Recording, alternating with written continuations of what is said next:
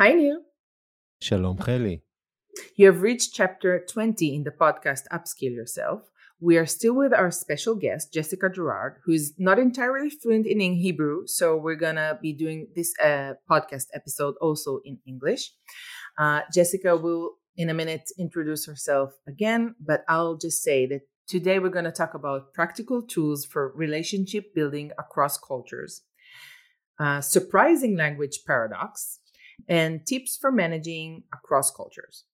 So, Jessica, tell us about yourself. Yes. Hi. Wonderful. So glad to be here. So, for 15 years, I directed academic programs at a number of universities, including Columbia, University of Arizona. I'm the founder of J. Gerard Consulting here in Silicon Valley. I coach internationals here, cultural training for the workplace, and so excited to be here. Yeah, it's Hallo.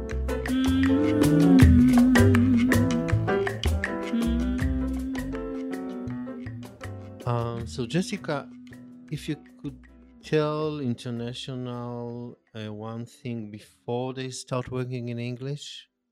Mm-hmm. You know what? I, am going to say something. Internationals, I, I, have spoken with them about how nervous. You know what? I, I have to change. I have to change this. This is what I want to tell native speakers of English before they work with internationals. This okay. is what I want to tell Americans. You need to please have respect for how hard it is to navigate socially in a second language. You need to have compassion, really, for that. And you need to understand that just because someone has beautiful vocabulary or beautiful grammar, people are not teaching them culture. They're, teaching about cultural intercultural communication that doesn't happen. That's not going to happen in your high school classroom. And you know, to internationals to remember you may feel like your English is really beautiful, and that could be dangerous for you because if your English happens to be really excellent, but you don't have the cultural piece, they will hold you responsible and they will think that you are being aggressive on purpose. If you, you know, for example, if you're not aware of that cultural piece. So there's a paradox. It the is a paradox. better English you have. Yes. The more you're expected to understand the culture. Perfect. Okay, I won't work on my English. Yeah, okay. Honestly, sometimes that's the biggest, that gives you the biggest pass. Yeah. You know, and it's amazing though, because I have people come to me all the time for language training and they want to perfect their language, perfect their language. Please don't also learn about the culture. Yeah, I've, I've, I have to say, um, I've I've been working with Jessica. She's been helping me perfect my English, and she's I, I'm I'm doing cultural training with her. So having come here from Israel and wanting to work here.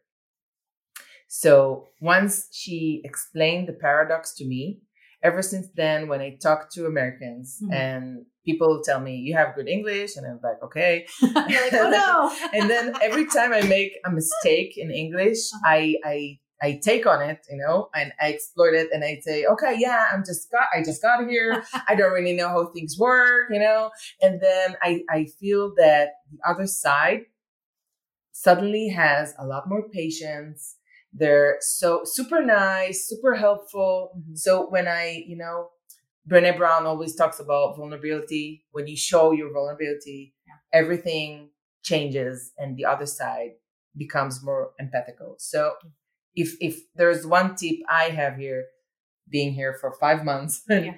and starting to work with Americans, that would be it. To just show that you don't know everything, because sometimes us Israel, Israelis we come so confident, so dugri, so you know, so direct, and when we show that we're not know-it-alls. Mm-hmm then we get more empathy from the other side. Yeah, humility is is a very respected trait. Yeah. Yeah. So, so what I understand, and it's important for me that first of all, if you make mistakes in English, you become more humble because you listen to to your mistakes, and also you sometimes you search for the right word in order to uh, pronounce or, or deliver what you really want to say. And the second thing is don't uh, um, put your energy or, or your attention on grammar Yes. Put it on listening skills. Yes. Try to listen to the other side. And while you listen and you improve your listening uh, uh, skills, your mm-hmm. language will be better. It will. definitely. And I think it's also important to be listening and also, you know, get some support with, I'll give you an example. Let's say you learn how to say a sentence like, instead of, I don't like that idea, you know, to say, hmm, I was, I'm not sure that'll work. I don't think this is working so well. Like learn, make an effort to, if you're going to learn English, make an effort to learn those phrases. Now imagine if you say, hmm, I'm not sure this is working. Imagine you say, I am not sure this working. That is a grammatical mistake in it, but you're better off. you're honestly better off because people will read you. I'm not sure this working now. They'll read you as more culturally comp. They'll, basically, they'll feel that you're respectful. So yeah, mm. as an English professor of English, I say to people, stop worrying about grammar so much. Worry about what's culturally right to say. Yeah, that's an aha moment right here. Yeah, because clients will come to me and they'll be like, let's do grammar. And I'm like, okay. And sometimes it's important, right? The difference between this doesn't work and this isn't working. Sure. And Jessica, how does it appear in writing emails and, and WhatsApp? Another five hours? I can make a I can make a quick statement. Here's the main this is the main message that we give to Israelis. Um, when you're writing the, the English and American style of communication, it's it's very organized and it's very much adding extra content in there. So start off by saying this is in, you know, this is with respect to X issue, give a little bit more of the background, make your requests politely, do it in an organized way. Israelis have been told that sometimes they'll send very kind of super quick messages. Now, again, as you develop relationships with people, obviously you're going to be using Slack and writing back and forth very, you know, very quickly. So it depends on where you are. But, but I mean, there's a lot you can say about this.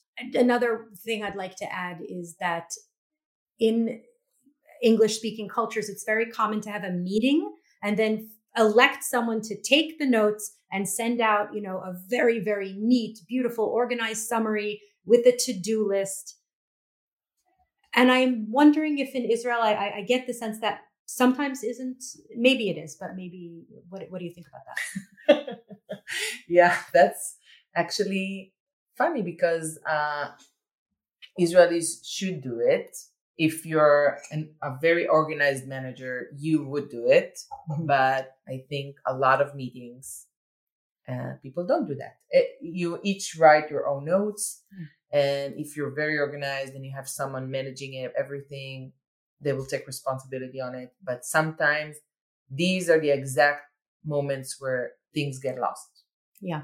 And just to add to that, when you have cultures that are very relationship dependent and heavy, and Israel Israel falls a bit on that side, trust is formed a lot by like spending time together in relationships and talking and yelling.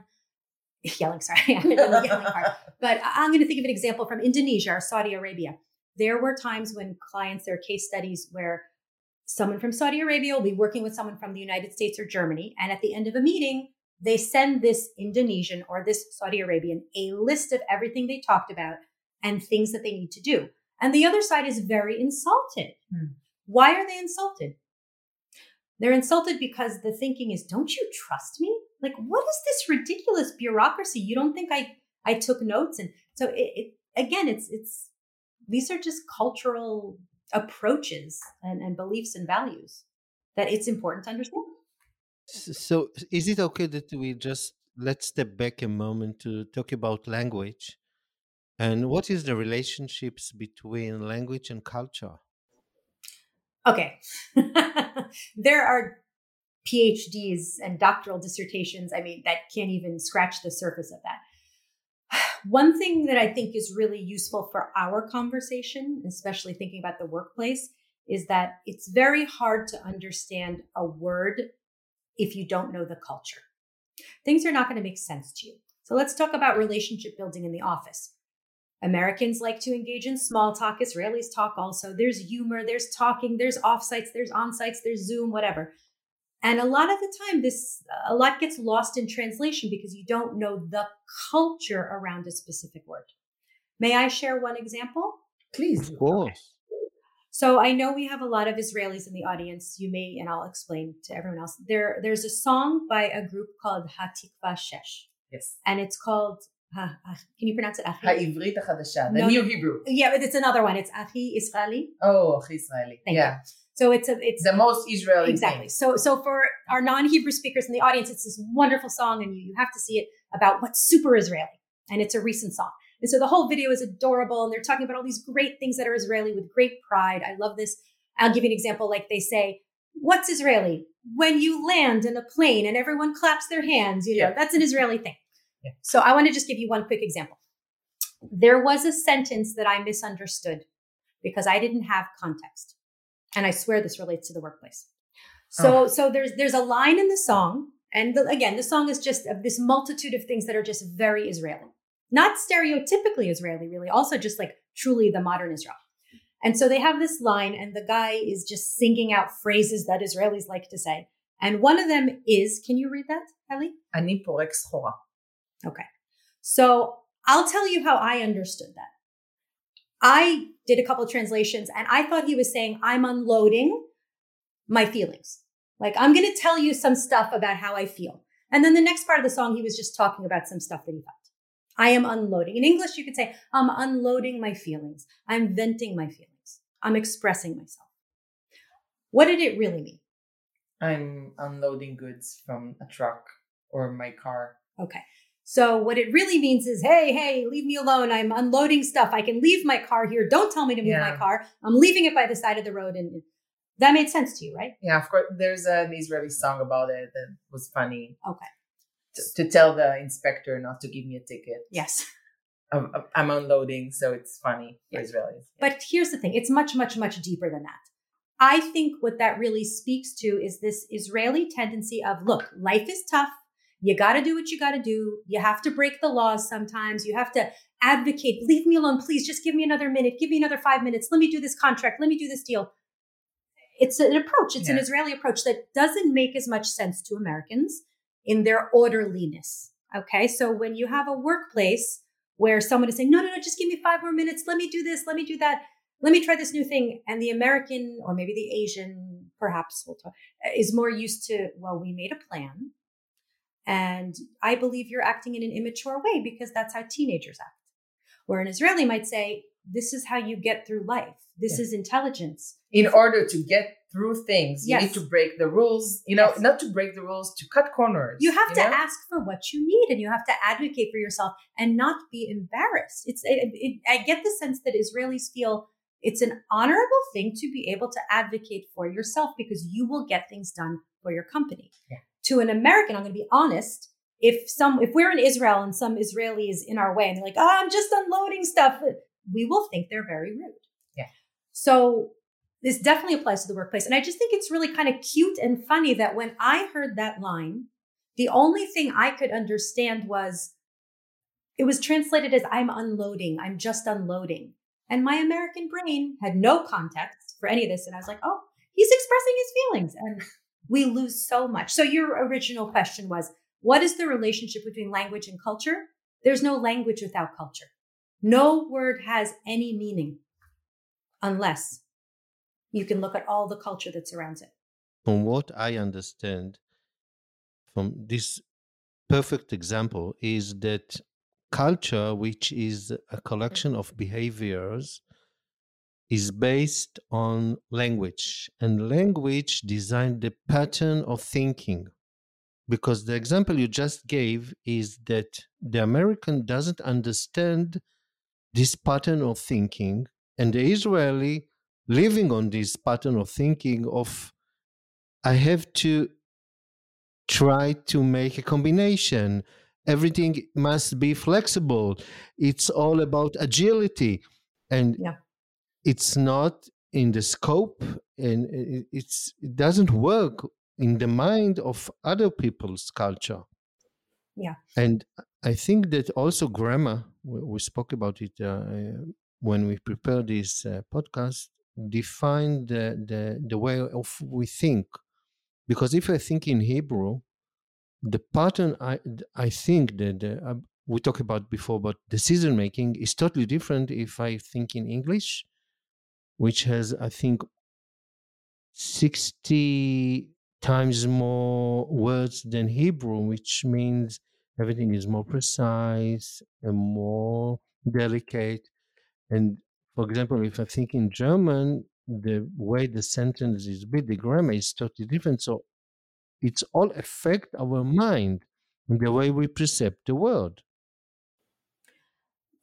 Definitely, that you know you've hit on a very hot hot topic in linguistics, but without a doubt, without a doubt, our cultural beliefs are reflected in our grammar patterns and different languages ask us to do certain things to get our point across. So yes, essentially I think that's a very, very good point. Now, just to add something about Hebrew, Hebrew is an amazing language because it has this immense depth.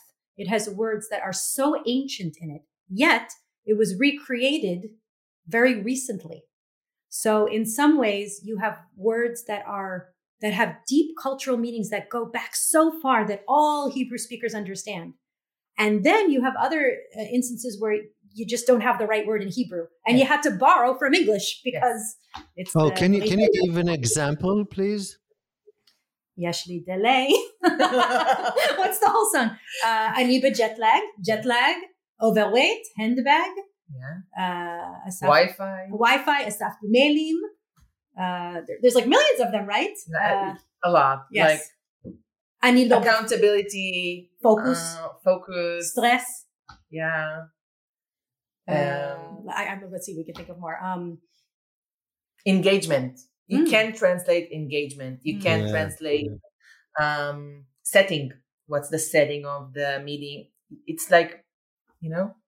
Well, Jessica, while you, while you were speaking, I just remember an example from two days ago. My wife, uh, she she's an most talented and perfect singer mm. in Israel, my opinion, of course.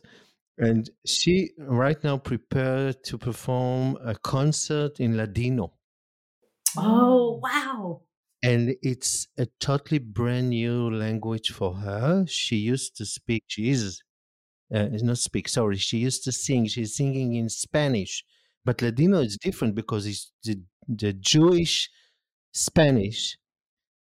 And it took her half a year to learn the the words and she of course she because she's singing she has to interpret the the meaning of the the lyrics and the, the meaning of the words and ladino has a aroma a sense mm-hmm. that you can't sense it in other language and one day i caught her cooking and singing wow. Wow. and while she was cooking and making the food and, and, and stirring the the, the, the, the whatever she was cooking, she was singing, and it was like the movement create the language, or the language created the movement. It was so beautiful. Wow. That's amazing. Was she, did she happen to be cooking anything inspired by Ladino cuisine? Well, her mother is from Syrian, so Syrian mm. is close to the Balkan countries where Ladino was spread all over. So I believe the smells are similar. Wow. Wow. That's a beautiful. And I told story. her, please go ahead, sing all the time Ladino while you're cooking. it tastes better. Hmm. Wow. Um, so I have um, I, I want us to move on for to some tips Okay. okay. If you are a manager, yes, yes, yes. Israeli manager managing Americans, Israeli American managing Israeli. Yes.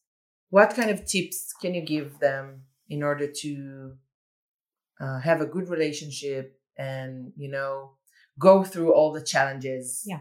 Successfully. Well, the first thing I want to say is please, please, please consider taking time to do this kind of work and training and thinking with your team because you know you have these people who are with you who are experts in whatever you guys are doing software development or you know new water resource eh, but this is a whole new world. It's a whole new universe of knowledge and i think people really need support. So i would say don't put all the pressure on yourself as managers. I genuinely there's there's ways there's different means to to bring someone in or to get a conversation started and get this kind of coaching um, you could do a group of Israelis just by themselves and then a group of Americans by themselves, and everyone can vent. And then you can combine them all. So support, support, support for yourself and uh, because it's it's very awkward. What I find is that individual clients will come to me suffering on their own and feeling this weight of responsibility on them. So um, that's that's a general tip. Can you tell me a little bit more about what you think? I, I, think, mean, I have lots of I, things. You know, I think managers a lot of times um, have have um, trouble or are scr- struggling with connection. Yes. So especially working remotely. Yeah. And they're always trying to think about the way to connect people. And I think Yeah. that if you have your team sit and talk about culture, Yes. have everyone, you know, uh, tell stories about their culture or Yeah. explain things, you know, about themselves and about the way they were brought up. I think that it can make a lot of connection and can give context to things. So, you know, you can be, do many things that are, you know, short and fun and, you know, and make the connections. Absolutely. Kinnear, you have an idea? Yeah, I think about case studies. All the time to tr- bring up case studies about inter interculture I uh, have a good one, actually. sessions, sessions, or, or, or situations, or even analyze your emails, uh, uh, and and do it ongoing. And first of all, you're gonna feel you're not alone in this situation, and second, you you you, you feel like you are getting advices and, and other opinions from other people. And especially, uh, Haley, we talked about it when we spoke about inclusion. If your Mhm. team is diversity, What do you mean about when you say diversity? What do you mean? Um, different people from different cultures in the same team, that's the best. yeah. the- Yeah, and you know, America, we we are right now helping create really diverse and really supported groups uh, and really inclusive work environments is very important in the United States right now, and it should include internationals. Without a doubt, it should include internationals and that type of inclusivity and that creating comfortable situations for them. Um, can I share? May I share a, uh, case, a quick case? Of course. Okay. So I think this, you know, what's funny? I, I've had clients report some version of this case stud, uh, case many times, and I'll tell you about a specific one. It involves a manager, a performance review, and an employee. An employee came to me and said they had a really, really confusing performance review from their manager. Okay. The client was Israeli, Russian actually, and the manager was American. The American manager said to the Israeli, You don't follow directions. Now, that was a really frightening thing for this Israeli to hear. And that's because- a direct feedback. yeah. By the way, that's that's and I don't know how the Americans said it actually. Oh. Probably something like, "Here's something good, and now I kind of need I need to talk to you about something. I feel like there were some times when you didn't listen to directions. Here's an example." That's how they would say it. Yeah. Sorry. Sorry. So, you know, the the employee kind of panicked and came to me, and we started talking, and the whole story unfolded. I you know I talked to both sides. Essentially, what had happened. If here's a specific example. The American manager said to the Israeli, Hey, we're giving a presentation tomorrow. Would you mind looking over the figures on the first slide? Or would you consider, I think he said, would you consider looking over the figures on the first slide? Now, to the American manager, it was extremely clear what he was saying. Do you understand what he was saying, Kelly? Yeah, he was saying, please change. Yeah. The- the change figures. this, change this. You need to look at the first slide and you need to change this. Now, the Israeli, who actually had very good English, what did the Israeli? The Israeli heard, it's a suggestion. Yeah, think about it. Yeah. If you don't want to do it, don't do it. If you think you should, then Right. do it. It's yeah, it's a su- suggestion. Exactly. And the language is really like, would you consider taking a look at the figures on slide one? And again, to an American, you gave a specific slide and a specific set of directions. I mean, it was very clear. But you said consider. Yeah. Consider looking at it. Right. So I considered. I said, okay. Yeah. I considered, and then looking at it, I looked at it Yes. again, and it looked okay. So I can go on with my life. That's exactly what happened. So the Israeli considered it, decided not to. Now, here's the interesting thing because they thought it was a suggestion, they didn't really send a follow up email.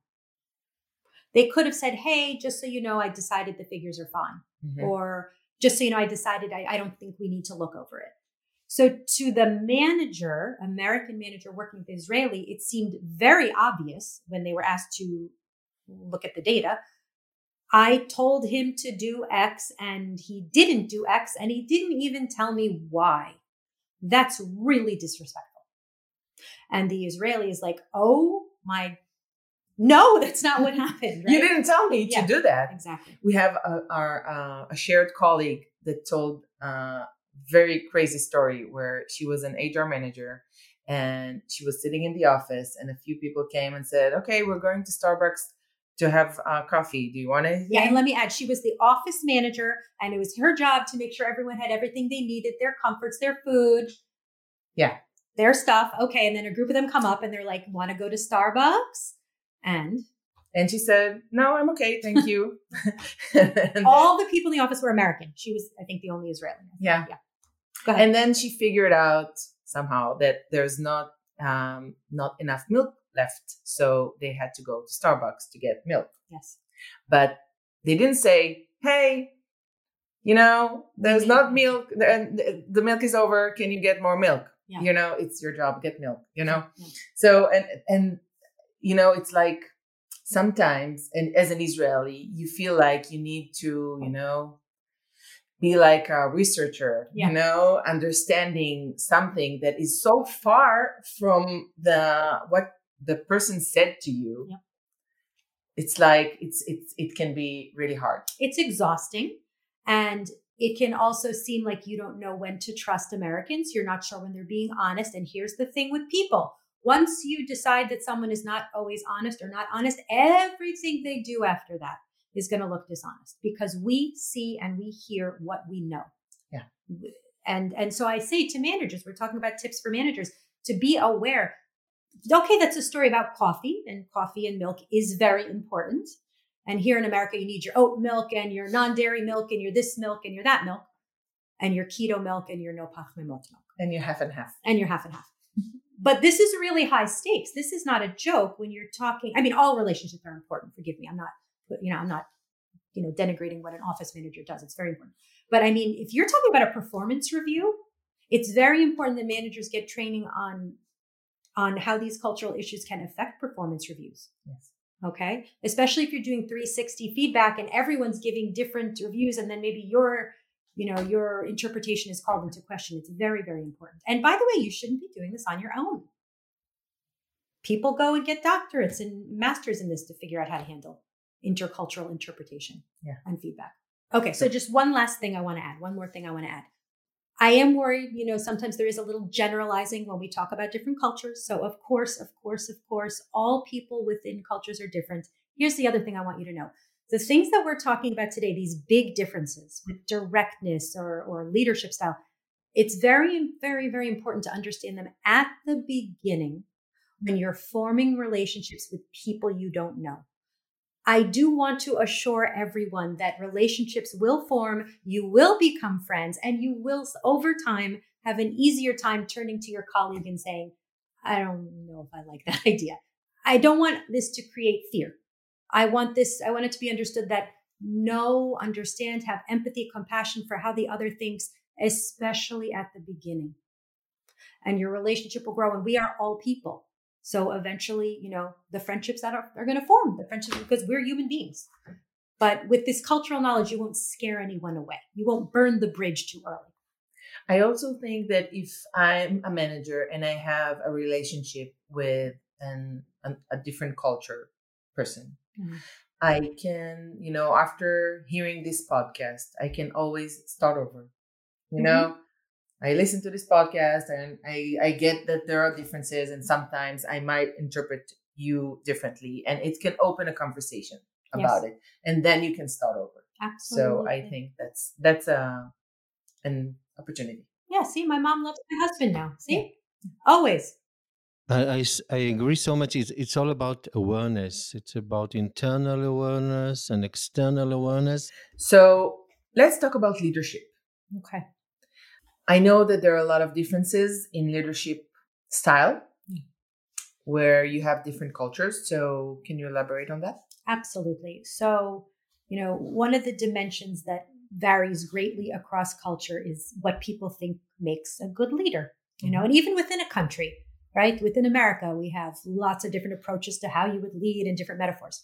But there is a lot of variation globally. And to me, it's really important to talk about because once you understand a country's underlying leadership style, a lot of their other behavior makes sense and falls into place. I think it's really important. Can you give an example? Um, I I I can actually. Uh, yeah. So I was going to just explain a little bit about the two different poles. You know, so let me just start before I give my example. I just want to explain what the spectrum looks like. So if you imagine, you know, a spectrum of, of behaviors on a line, all the way, let's say to the left is what we would call a very egalitarian style. So that would look like, you know, a leader who sees themselves as a facilitator and as an equal. Okay, so I'll give you an example. You walk into a room in an egalitarian country to a, a, place of business, and you look into a meeting room and you see a table, and you don't know who the leader is necessarily. They might actually just be sitting down and they're dressed like everyone else, and everyone is sort of speaking to each other more or less in the same way. That's very egalitarian. And all the way on the other end of the spectrum is what we would call a hierarchical approach to leadership. So even just hearing the word hierarchy, you know, what do you think when you hear that, Hallie? Yeah, I think military. I think uh, mm-hmm. you know, I, I, think Asians like very, mm-hmm. uh, very hierarchy. I think about Putin. Putin. Yeah. Okay. Yeah. So actually, all of this is true. So again, let me just backtrack and say, all humans, we have our, our, our distinct natures and our differences, and we're individuals, but we are inside a culture that decided upon a set of rules so that we could all not kill each other, basically. Mm-hmm. So, yes, it's certainly true that when you look at East Asian countries, South Asian countries, India, South Asian, East Asia would be Japan and Korea, uh, China. It's very hierarchical. So, let me tell you what that would look like. Imagine we're entering a meeting room in a Chinese company, maybe a little more traditional Chinese company, and you would see, you would know right away who the boss is or the most senior person. They would be sitting in a very special seat Mm-hmm. And it would be, I believe, right next to the door or second next to the door. And you would know by the way that they're dressed, and you would know by the way that they're speaking. And you would notice that when people address each other, they're using titles, mm-hmm. they're referring to their positions. And you would also notice who's asking the questions and who is answering them. In a hierarchical place, the leader asks the question, uh, asks the questions and makes decisions, and other people follow suit. Where do you guys suppose America falls on this spectrum? If you have very egalitarian, like Sweden, the Nordic countries, they're very egalitarian, very fair. And on the other side, maybe we have uh, Japan or China. Where is the US? I believe in the middle. M- middle to the hierarchy, I think. Hmm, that's interesting. You know, it's, it's, they're they're middle, but actually, it's funny. In some ways, they're they're a little more egalitarian. Really? Or they like to a, a, a, a little north of egalitarian, a little to the left. You know, Jessica, yeah. I think it's because the sugar cup. Oh, why is that? Tell us more. Because this this sugar cup effect moves them a bit north, like you said. Yeah, but it's so you know it's so ordered and it has a, has a process and everyone knows their place. Mm-hmm. So that's the hierarchy for me. So it's a very good point. So typically, what we find with the United States, and that's why it's really nice to think of this spectrum the US is usually in the middle. In the middle of, we have Sweden on one side, very, very egalitarian and fair, Denmark. And then all the way on the other side, we have uh, Japan. When you talk about directness, Israel is the most direct culture in the world.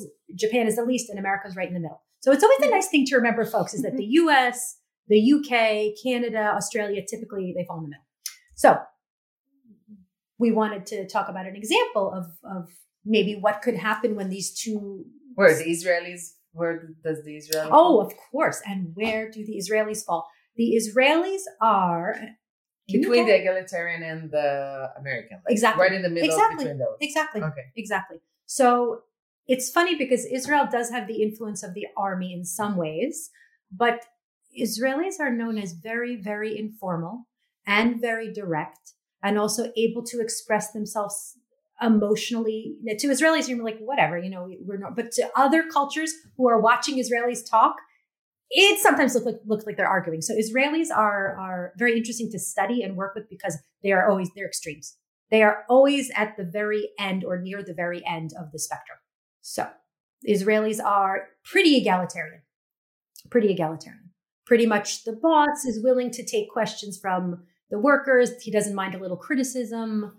Uh, everyone's kind of thinking together. Everyone's throwing out ideas. That's what egalitarian looks like. Mm-hmm. You, you, know, I, I can see it when I facilitate workshop in remote and hmm. using hmm. like the Zoom, and I see the background people choose in order to introduce themselves. Usually, the Israeli guys, the Israeli managers, they don't use any background. You can see what's going behind. Sometimes they eat while the workshop. Everything is informal yeah. And the, the other side, like you said, American people, and it's also I think there's a gap, a difference between uh, north, um, north and east. Yeah, there are definitely regional variations in the United States. Definitely. Are more uh, formal. There's a background usually with the logo of the company, or they put a virtual background of a, a meeting room, and everything is like more with a distance and yeah. It, it, it's really interesting yeah yeah so without a doubt when we speak to many americans and they reflect on their experience in an israeli office or working with with israelis there's this feeling of it's less formal and you are a little more able again to like say what you think to the boss right and Americans are kind of in the middle there. And then when you move all the way over to people who are coming from Asia and from India, there's a lot of deference to the boss. And it's really important when we talk about Israelis interacting with Americans, especially if they're coming here to Silicon Valley, you are interacting with Americans, people who are very newly arrived from Asia, people very newly arrived from India, and there's very big gaps there. So I can share an example yeah. now of a cultural clash. There is a story of a man from, uh, in this there's a couple of cases from Sweden. So we already said very egalitarian, right? He was a great leader. He was a great manager, got wonderful reviews from everyone. People felt that he respected them and he listened to them and he was organized and etc. And he was transferred over to a, an Asian country to help with some uh, with a team there. And they were really, really unhappy with him. They really doubted his leadership skills. They couldn't understand why during a meeting he would say, So, what do you think? What do you think the initiative should be? Wow. Um, do you disagree with that? It was very disconcerting to them, and it actually caused them to lose faith in this person's abilities. It was not a normal thing for a leader to say, I don't know. And I can tell you, as, as a professor who worked with many, I mean, my, my job in universities was to help international students, usually from Asia, accommodate and acculturate to American culture. And I can tell you that my main job was to help them understand that when you come here to an American university, you are supposed to be asking questions. You're allowed to challenge a professor. You're allowed to speak up. You're allowed to speak your mind, and you're supposed to have something different to say. That those um, those are bad. So you can imagine, you know, let's go back to the story. So you have this Swedish egalitarian boss doing his absolutely best with his own toolkit, and basically he had people on his team request to leave and one of the reasons they requested to leave is they were afraid about the safety of this particular unit. I'll give you another example. The egalitarian manager, guess where he decided to hold his office? What do you mean? Second floor, top floor, at the beginning and near the entrance? So, what happened was this egalitarian leader said, I'm going to put my workspace in the middle of everyone else's workspace because he was coming from a land where you're it's a big open giant cavern of desks and the boss is over here and you can just kind of walk over to him and they have that in the united states too. And the people in china were expecting him to have a separate office on a separate floor to show the importance of their unit. And by working there with him by working there uh, by this swedish manager working in the midst of all of his workers his employees in the middle of the floor, he was sending the message to the workers and the rest of the company that his department was not important. Well, I think the two examples are so important because they show how clear culture define your identity and also define the way people understand your leadership style. Yes. Yes.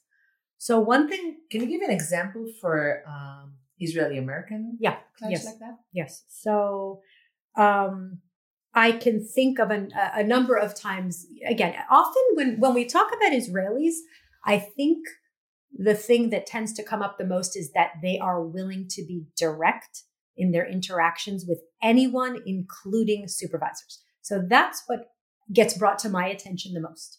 Um, this notion of being less formal and and it can be off-putting to an American boss, and it can certainly be off-putting if your boss happens to be in France or happens to be in Asia. So yeah, that that's, that's So they'll they'll communicate with uh, higher hierarchy managers directly instead of asking their managers to do that work for them. That's what you mean? or yeah, or they might, for example, say again, you know, I, I don't know if that's such a great idea. Let's try this other idea because you know Oh. Israelis come from a place where you sit around the table and if you have an idea, you say it because you're contributing to the group. It doesn't necessarily matter as much what your rank is. And again, I don't know if Israelis feel that themselves, but I can tell you that people from the outside looking in see that. Here's another thing. It would be more comfortable for an Israeli to give a suggestion or ask someone to do something or give a, uh, negative feedback in front of a group.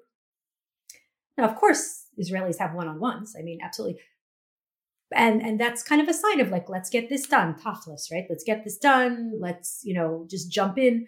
Whereas a more hierarchical culture that would happen in a one-on-one. You wouldn't want to embarrass your boss. You wouldn't want to make your boss or leader lose face.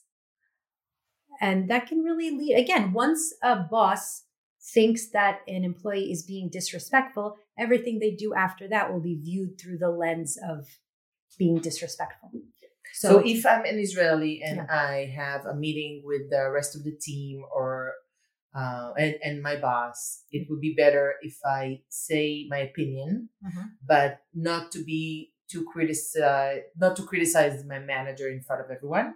I, especially at the beginning, I've always made the p- point be very careful when building relationships at the beginning, critique, and especially the way you say it. It, you know, again, it might, might it might be something you'd like to do just quickly one on one afterwards. Yeah. I, I have because I, I see that we are reaching uh, the end of our chapter. If you can give us a last tip about dressing code as Mm. managers. Yeah. So I'm here in Silicon Valley. Helly and I are here in Silicon Valley, and it's actually pretty informal. You know, you've got that uh, American mystique of this this startup master coming into work with his jeans and flip flops. So Israelis do very well here because Israelis don't seem Yeah. to mind being less formal. Uh, but if you're in New York, New York City, if you're in Chicago, a big city, a more formal business like anything legal, financial, put on a pair of pants, button up shirt, maybe not a tie, but at least a long sleeve shirt. Uh, I don't like to police or suggest to women how they should dress, but I guess, yeah, follow the same rules. Um, you know, it doesn't have to be a suit if you're in New York or Chicago, but look, it never hurts to show Americans will see dressing in a nice shirt with buttons as formal and respectful. So it never hurts. I would definitely advise against going anywhere dressed on the informal side for an initial meeting or while you're relationship building. Unless, of course, you know, you see everyone else is wearing, you know, Yeah. wearing flip flops and Jeans. Yeah. Jessica, we have kind of a tradition in our podcast. Um, we end our podcast with some kind of inspiration. And because you are our guest today, it's your uh, opportunity to share your inspiration. Yes, wonderful. So I have a quote I'd love to share that I feel really encapsulates the discussion today. It's by Ruth Benedict, an American activist and researcher.